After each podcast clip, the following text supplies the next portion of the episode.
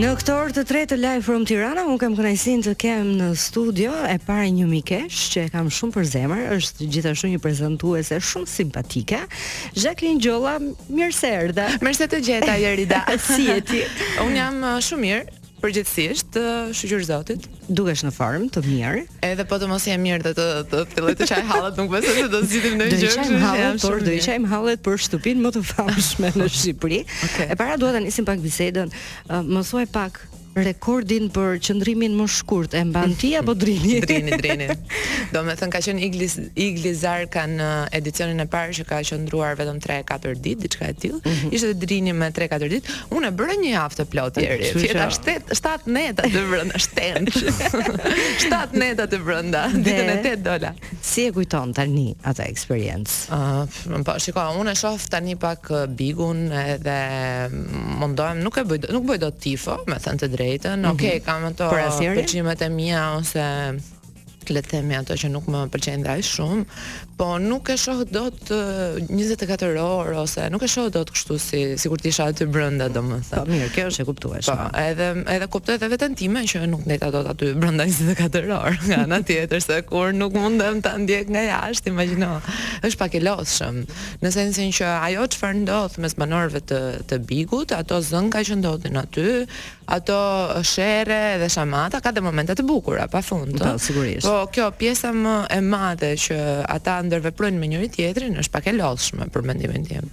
Mm. Po, Nëse do të pyesje tani cili prej tyre apo prej mund të jetë edhe vajzë, jo mm. jo vetëm djalë që vajzë është vajzë. e ke më më për zemër, po. edhe ndoshta edhe për lojën që është duke bërë aktualisht dhe dua ta them këtë që Duket ka vetëm shumë pak kohë që ka nisur Big mhm. Brother mm -hmm. VIP Treshi, por duket sikur është më më gjatë. Kanë filluar të jenë dinamikat shumë të forta që që në momentet e para. Po, duket sikur i kemi njohur këto banorët që sezonin e kaluar mm, në njëfarë mënyre. Unë e mendova dhe kam thënë që në fillim kur nisi ky Big që këta banorë nëse vitin e shkuar disa banorë kishin parë Big Brother 1 dhe Big Brother të dyshin e nisën atje ku mbaroi njëshi, mm -hmm. këta të treshit kanë parë dyshin dhe nisën atje ku mbaroi dyshi. Domethënë, diskutimet dhe agravimet ishin ashtu si ishin muajin e tretë të Big Brother dyshit në ditën e parë të Big pra Brother 3. Pra duket sikur janë të gjithë me shpata të mprehura. Po, po dhe nuk kanë faj në fakt, sepse me sa duket e kanë parë dhe kanë studuar lojën në një aspekt tjetër, jo për shembull ashtu si e kisha parë në thonjëza ose studiuar unë, mm. edhe e kanë shumë të qartë se çfarë duhet të bëjnë. Domethënë Big Brother ka diçka si format ë uh, të nxjerr në pah të gjitha aspektet e karakterit të hiperbolizuara pak. Mm -hmm. Pra, të gjitha ato karakteristika që ne i kemi në fakt në uh, në karakterin tonë ose në personalitetin tonë, aty dalin në pah dashje pa dashje. Pra, edhe nëse dikush e merr përsipër që të tregojë aspektet pozitive vetëm ose aspektet negative vetëm, nuk ndodh kështu. Aty patjetër do të dalësh me të gjitha ngjyrat, pavarësisht se disa prej këtyre ngjyrave do të theksohen shumë më tepër se sa ti i ke në jetën reale apo se sa do duash ti t'i tregosh, ë. Është vetë formati. Ndoshta edhe kjo që jashtë i eviton disa njerëz që ndoshta nuk ke një komunikim të mirë apo nuk të pëlqejnë, mm -hmm. kurse aty nuk ke shpëtim. Pra, të pëlqen Jeri, s'të pëlqen mm -hmm. Jeri, je e detyruar që të jesh në të njëjtin ambient mm -hmm. me mhm. Jerin. Edhe di çfarë është tjetër Jerida është fakti që aty do të rrish me veten tënde shumë. Pra, nëse uh, ok, është dhoma e rrëfimit edhe ti mund të shkosh edhe të uh, shfaqësh problemet e tua apo të flasësh për çfarë uh, të mundon, po prapëseprapë duhet ta konsiderosh produksionin si mikun tënd ose ose jo në një farë mënyre.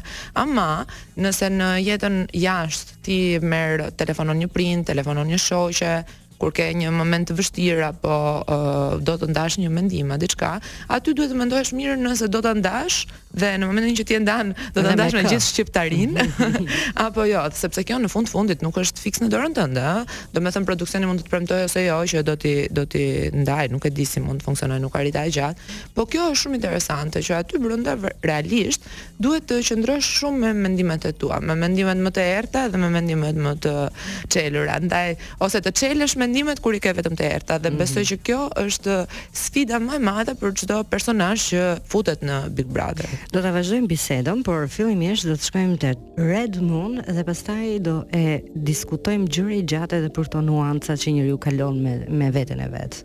Zhaklin, jam kureshtare të di, duke qenë se ke qenë pjesë e Big Brotherit. Kur merr vendimin për të hyrë në këtë shtëpi, shkon me një strategji në kokë apo jo? Personalisht jo, nuk po pyes për njerëz të tjerë. Okej, okay, mirë. Unë me thënë të drejtën nuk është se kisha ndonjë strategji. Unë isha në një moment të jetës sime që doja diçka të re, doja diçka ndryshe, doja ta nxirrja veten time nga ajo zona e komfortit që quhet. Edhe ishte viti i dytë që më vinte ftesa, uh, vitin e parë nuk e pranova ftesën sepse nuk isha në të njëjtin moment në mhm. jetën mm -hmm. time, edhe e ndoqa bigun me idenë çfarë humba.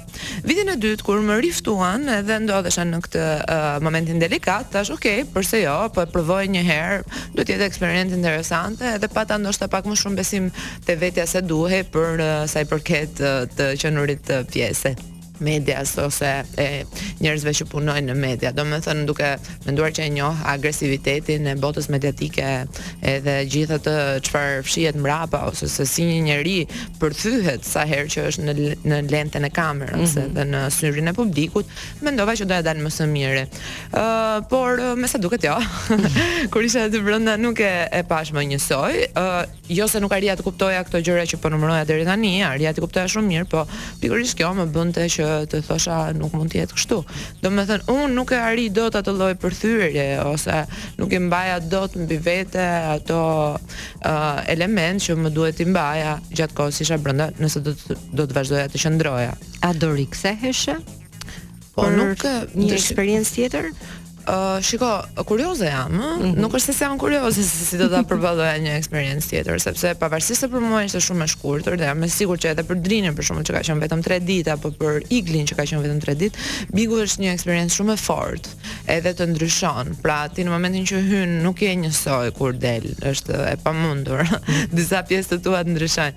Kështu që kurioze jam, por e vështirë më duket. Ose duhet të kisha, domethënë, Vërtet duhet të kisha diçka jashtë që më mërzit ose një mungesë mhm. jashtë mm -hmm. që të thosha ok, duhet ta bëj këtë hap. Domethënë ka dhe diçka, sa shumë e do famën. Unë nuk jam një njeri që e dua famën jashtëzakonisht shumë. Pra edhe arsyeja ime e hyrjes në Big Brother nuk ishte Kjo fama e madhe dhe që të më njohin njerëzit edhe po dola në ballkon edhe të më nxjerrin foto. Ishte një kapërcim në karrierë përveç asaj që po numëroja uh, deri tani, pra që ishte momenti që doja të dilja jashtë zonës së komfortit, e më the, e të thashë, si këto gjëra. Po ishte një kapërcim në në karrierë ai uh, qëllimi im, përse mm -hmm. u futa në big. Ndërsa për njerëz të tjerë që uh, kanë qëllim famën në vetvete dhe dinë se si ta shfrytëzojnë famën për gjërat e tyre,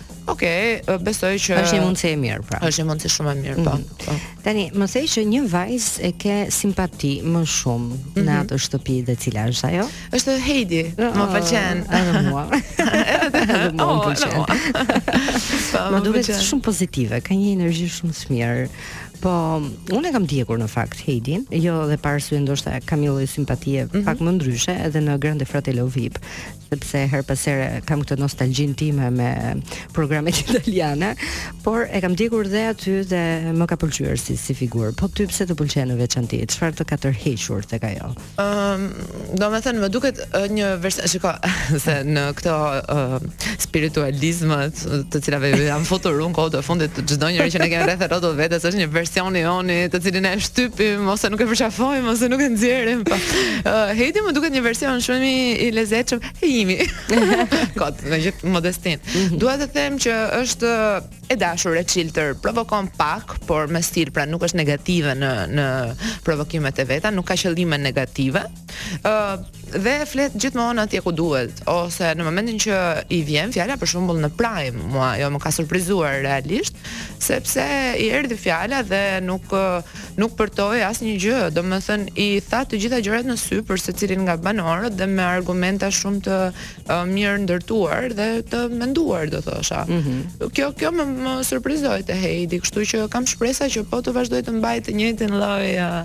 uh, reagimi, si të themi, ose të njëjtën lloj përqasjeje ndaj banorëve të tjerë, besoj që do të ecë shumë mirë. E po, kisha vënë re dhe që pëlqehej pak me Romeon, e kishte qef. Mm. Pastaj kur e pa që Romeo po sillej njësoj me të gjitha vajzat e sikur është tërhequr pak. Po, edhe domethënë ka disa elementë që deri tani më bëjnë ta veçoj.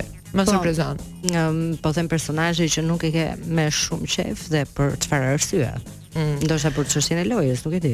Po shiko në fillim në të dy tre ditët e para filloi të më bezdiste pak Juli me Rozën, me ca sherre, shamata të kota me njëri tjetrin që më dukeshin, domethënë duke qenë brenda shtëpisë e di dhe se si ndihen ata të dy mm -hmm. brenda shtëpisë, edhe Më duket një dramë aq kot dhe aq e ekzagjeruar dhe aq e shpikur pra për një publik që e ha kollaj, mm -hmm. sepse një publik pak më delikat nuk e ha kollaj. Ndërsa tani uh, kam filluar të shoh ndryshe edhe lojën e tyre. Them, "Ok, kjo është ky është stili i tyre, shumë mirë." Edhe e vura re që Roza po fiton një protagonizëm shumë të fortë, pikërisht duke bërë këtë rolin, duke u kapur për gjëra të kota, duke u bërë herë viktimë, herë sikur ajo vetë ngacmon, herë duke thënë që unë jam e kulturuar e edukuar, por nga ana tjetër duke sharë mirë nga të katërta anët, kështu që do të pyes pak, pak më vonë, sepse tani uh, do të shkojmë në një këngë, por pak më vonë dua të të pyes pak edhe Egla me Julin, se ka pasur deklarata shumë të forta këto ditë edhe nga Egla, por vetëm pas pak. Ndiqni çdo ditë live live from Tirana. Top Radio live from Tirana. Zhaklin, duket sikur ka prapë përpjekje për të krijuar çifte brenda shtëpisë mhm. së Big Brotherit, Ilnisa dhe Meritoni. A fa l'amore comincia tu Pastaj Rikja që përqafohet me Romeon A mhm. po lind diçka mendon apo thjesht është kjo nevoja që kur ke nevojë për t'u mbështetur, për të përqafuar dikë. Besoj që deri tani është kjo nevoja për t'u mbështetur, për pak kontakt fizik, për pak uh, kontakt kështu dashurie, si të thuash. Edhe nga ana tjetër është edhe një përgatitje e terrenit për të pasur marrëdhënie të mira. për shembull, pasi përqafohesh dhe puthesh aq shumë me dikë, ai dikush e ka pak të vështirë që të të kthehet kundër, e kupton? funksionon brenda asaj shtëpie kjo? Po, besoj që në një farë mënyre funksionon sepse duhet të marrësh parasysh që nëse i kthehesh kundër do duhet të mbrosh pastaj gjithë periudhën që ke treguar gjithë atë dashurinë e madhe dhe dikush duhet të lërë, duhet të bëjë diçka shumë të madhe që ti të kesh një justifikim, si thua, që t'i kthehesh më pas kundër, më kupton? Mm -hmm. Por është edhe nevojë bazike, ëh, është nëse futemi te piramida e Maslow, mhm. që janë këto nevojat e jetës së njeriut, është kjo prekja fizike dhe kontakti fizik që të gjithë kanë shumë nevojë dhe Me sa duket vajzat nuk po e kursejnë veten te kjo gjëja, çunat jo jo, po flas për vajzat meqenëse ne uh, në shoqëri kemi më shpesh tabu vajzat që preken apo përqafohen më shumë sesa çunat, nuk gjykojmë asnjëherë çunat. Fatmirësisht ka ndryshuar kjo pjesa dhe njeriu ka nevojë. Leo Buskalia thoshte mm -hmm. që unë dua t'i përqafoj të gjithë, edhe ata po. njerëz që nuk i njoh. Po, edhe pavarësisht se ata njerëz s'të japin një lloj energjie të mirë. Dhe unë jam shumë dakord me këtë lloj ideje, por megjithatë e shoh që në publik ka akoma shumë dyshime, ëh, për sa i përket po, kësaj. Është fillimi. Domethënë realisht ne kemi këtë këtë tabun që një burrë, jo vetëm në Shqipëri, ka shumë vende të botës, Një burrë gjithmonë kur vlerësohet, vlerësohet për nderin, për karrierën, për sa kështu është apo sa i arrirë apo sa i realizuar, ndërsa një grua kur e, e vlerësojmë përgjithësisht e vlerësojmë nga sa burra ka pasur. është... Ose e gjykojmë më kollaj për sa burra po. ka pasur në jetën e vet.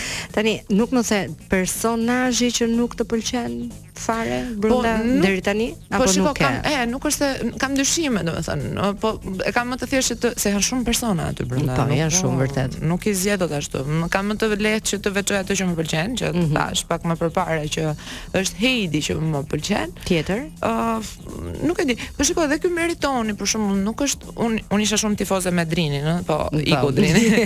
Ëm edhe ky Meritoni, ka ca gjëra që nuk më pëlqejnë fare, për shembull, mm -hmm. në mhm. mënyrë po shumicën e kohës më pëlqen, e kam parë kur shkojnë njerëzit edhe i uh, hapen, edhe i hapen të gjitha atij Meritonit. Kam përshtypjen në, në leftësojnë pa. Ai uh, i pret shumë mirë. Reagimet i ka shumë të shumë korrekte, domethënë. Mm -hmm. Nuk nuk e tepron, e, i qëndron asaj të vetës, po. Më pëlqen për këtë gjë. Jul Deda dhe Egla dy aktor që përplasen aktorë në profesion, mm -hmm. por mhm. që përplasen shumë me njëri tjetrin dhe arriti që Egla edhe ishte çau, filloi edhe pastaj tha u lirova nga kjo, por ka bërë një deklaratë po e lexoja dje që Do ta shohi, po ky është forma se si po interpretoj unë tani. do ta shohi Juli të martën kur të jetë primi.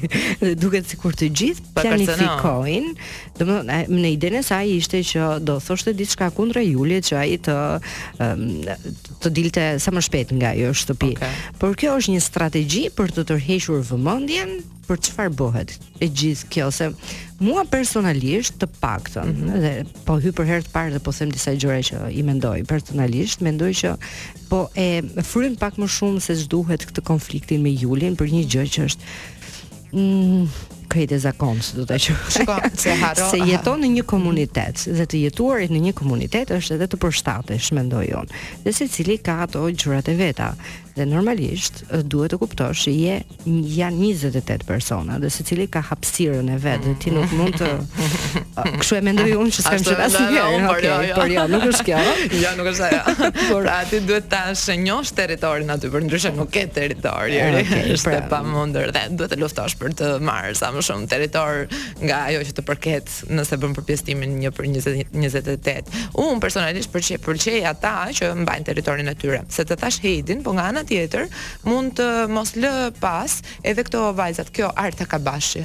Edhe ajo i ndjet zëri shumë rrallë deri tani, pavarësisht se jo Art, domethënë Arta dhe Vesa, po. Po. Kam një dyshim vetë të dyja akoma se janë. Mbiemrat as unë s'e kam fiksuar, po janë po... janë pak në hije ato të dyja, po e kam vënë re në disa nga këto postimet që nxjerrin për shembull në faqen e Bigut. Mm -hmm. Edhe ato të dyja më pëlqejnë shumë, kanë ca ndërhyrje që janë shumë të drejta, mendoj dhe janë te kjo pjesa që ruajnë territorin e tyre dhe thjesht uh, nuk nuk nuk nuk kërkojnë më shumë se aq, po nuk kërkojnë as të preket territori e mhm, tyre. Mm, pra po e ruajnë ato. Po, dhe janë pak brenda njerëzve normal, si të thuash, në një asaj që ti pret nga një njeri. Nga ana tjetër, Egla dhe Juli ose dhe Roza, Egla bëri këtë stilin me këto gjërat që vendos te syri. Po. Dhe unë mendoj po që komentohet shumë shumë po komentohet, dhe unë mendoj që ajo këtë e kishte një strategji, domethënë qëllimi i saj ishte që të binte në sy pikërisht për këtë gjë, nuk ka rëndësi për mirë apo për keq, sepse publiciteti i mirë apo i keq është publicitet. Dhe Egla mendoj që këtë arriti. Kam shumë dyshime mbi karakterin e saj ose personazhin që ajo do na sjell në Big Brother nuk e kam e kam shumë në mjegull, nuk di akoma ta them se si. Ndërsa për pjesën që ajo po bën këtë ekzagjerimin në thonjza të situatës me Julin, është gjë që në Big Brother e kemi parë shpesh dhe sidomos në personazhe aktorë, siç janë të dy pra, që mhm. e, e theksove edhe ti. edhe vitin e kaluar un e pata këtë eksperiencën që ishte një nga gjërat që më bëri të thosha çfarë po bëj un mes këtyre njerëzve këtu që janë këta të çmendur domethënë në një nivel tjetër është ky fakti që aty nga që duan të hapin debat dhe duan të bien në sy sa më shumë banorët zgjedhin një element, një diskutim apo një moment me një dikë që duan ta sulmojnë ose të krijojnë një lloj protagonizmi sepse gjithmonë nuk është gjithmonë ai sulmi i urrejtjes. Mm -hmm. Është dhe sulmi që le ta marrim ne të dy vëmendjen, t'i lëmë këto të tjerët në hije. Ëh, po. uh, dhe çfarë bëjnë? Shkojnë cep më cep të shtëpisë, dhe flasin vetëm për atë gjë që nëse nuk i ka kapur kamera e parë, t'i kapë e dyta. Që nëse nuk i ka kapur ta ketë kapur, po. po. T'i kapë 23 Në të gjitha këndet.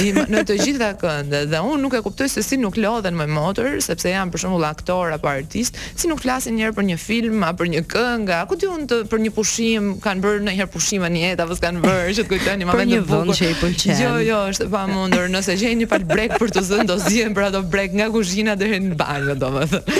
Është e tmerrshme, nuk di çfarë të them. Tani duke qenë se është e martë dhe sot do të jetë edhe prime sepse janë të nominuarit e parë.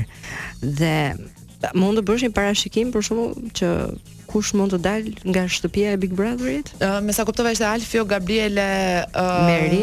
Meri, Meri nuk del. E di shumë për gjene. Është Gazi gjithashtu në nominim. Gazi, jo edhe Gazi nuk edhe Gazi është një subjekt që aty krijon dinamika, kështu që nuk besoj se do dalë. Uh, unë jam mes Gabrieles dhe Alfios, besoj që del Gabriele, sepse Alfio hëngri një lloj uh, presioni në një nga primet e kaluara, që oh, nëse vazhdon vetëm të gatuash, mm -hmm. nuk do të të nominojmë ne. dhe mua m'u erdhi shumë gjynah, domethënë, po t'isha Alfio në atë moment, do thosha, ore, seriozisht e keni ju, mendoni se unë do rri në këtë vend, Vetëm se nuk do më nominoni ju, domethënë publiku më do jashtë, po ju do më mbani me zor. What the dog is this?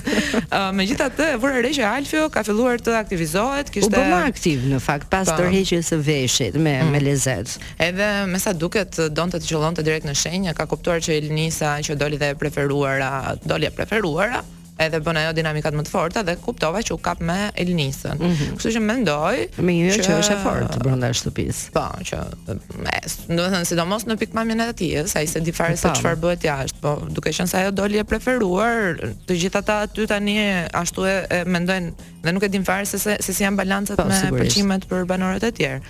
Uh, mua nuk është se më pëlqen shumë kjo që bëri, kjo strategjia që bëri Alfio, më duket kot fare.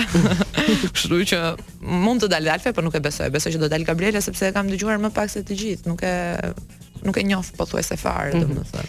Ëm um, kush mendon që do jetë apo do ketë më shumë jetëgjatësi brenda shtëpisë dhe më pak Po, shiko, aty vërtet që ka ca kthesa me frena dore në Big Brother. Pra ndryshon. Nga këto që inercia të nxjerr nga dritarja, domethënë. pa dashje. Po ndryshon shumë, po unë mendoj që janë disa personazhe që do kenë jetëgjatësi. Ë, uh, për shembull, Inisa besoj që patjetër do do ketë goxha jetëgjatësi. Meritoni besoj do ketë jetëgjatësi. Fation Kuqari mm -hmm. besoj që do ketë jetëgjatësi. Heidi besoj që do ketë. Ë, uh,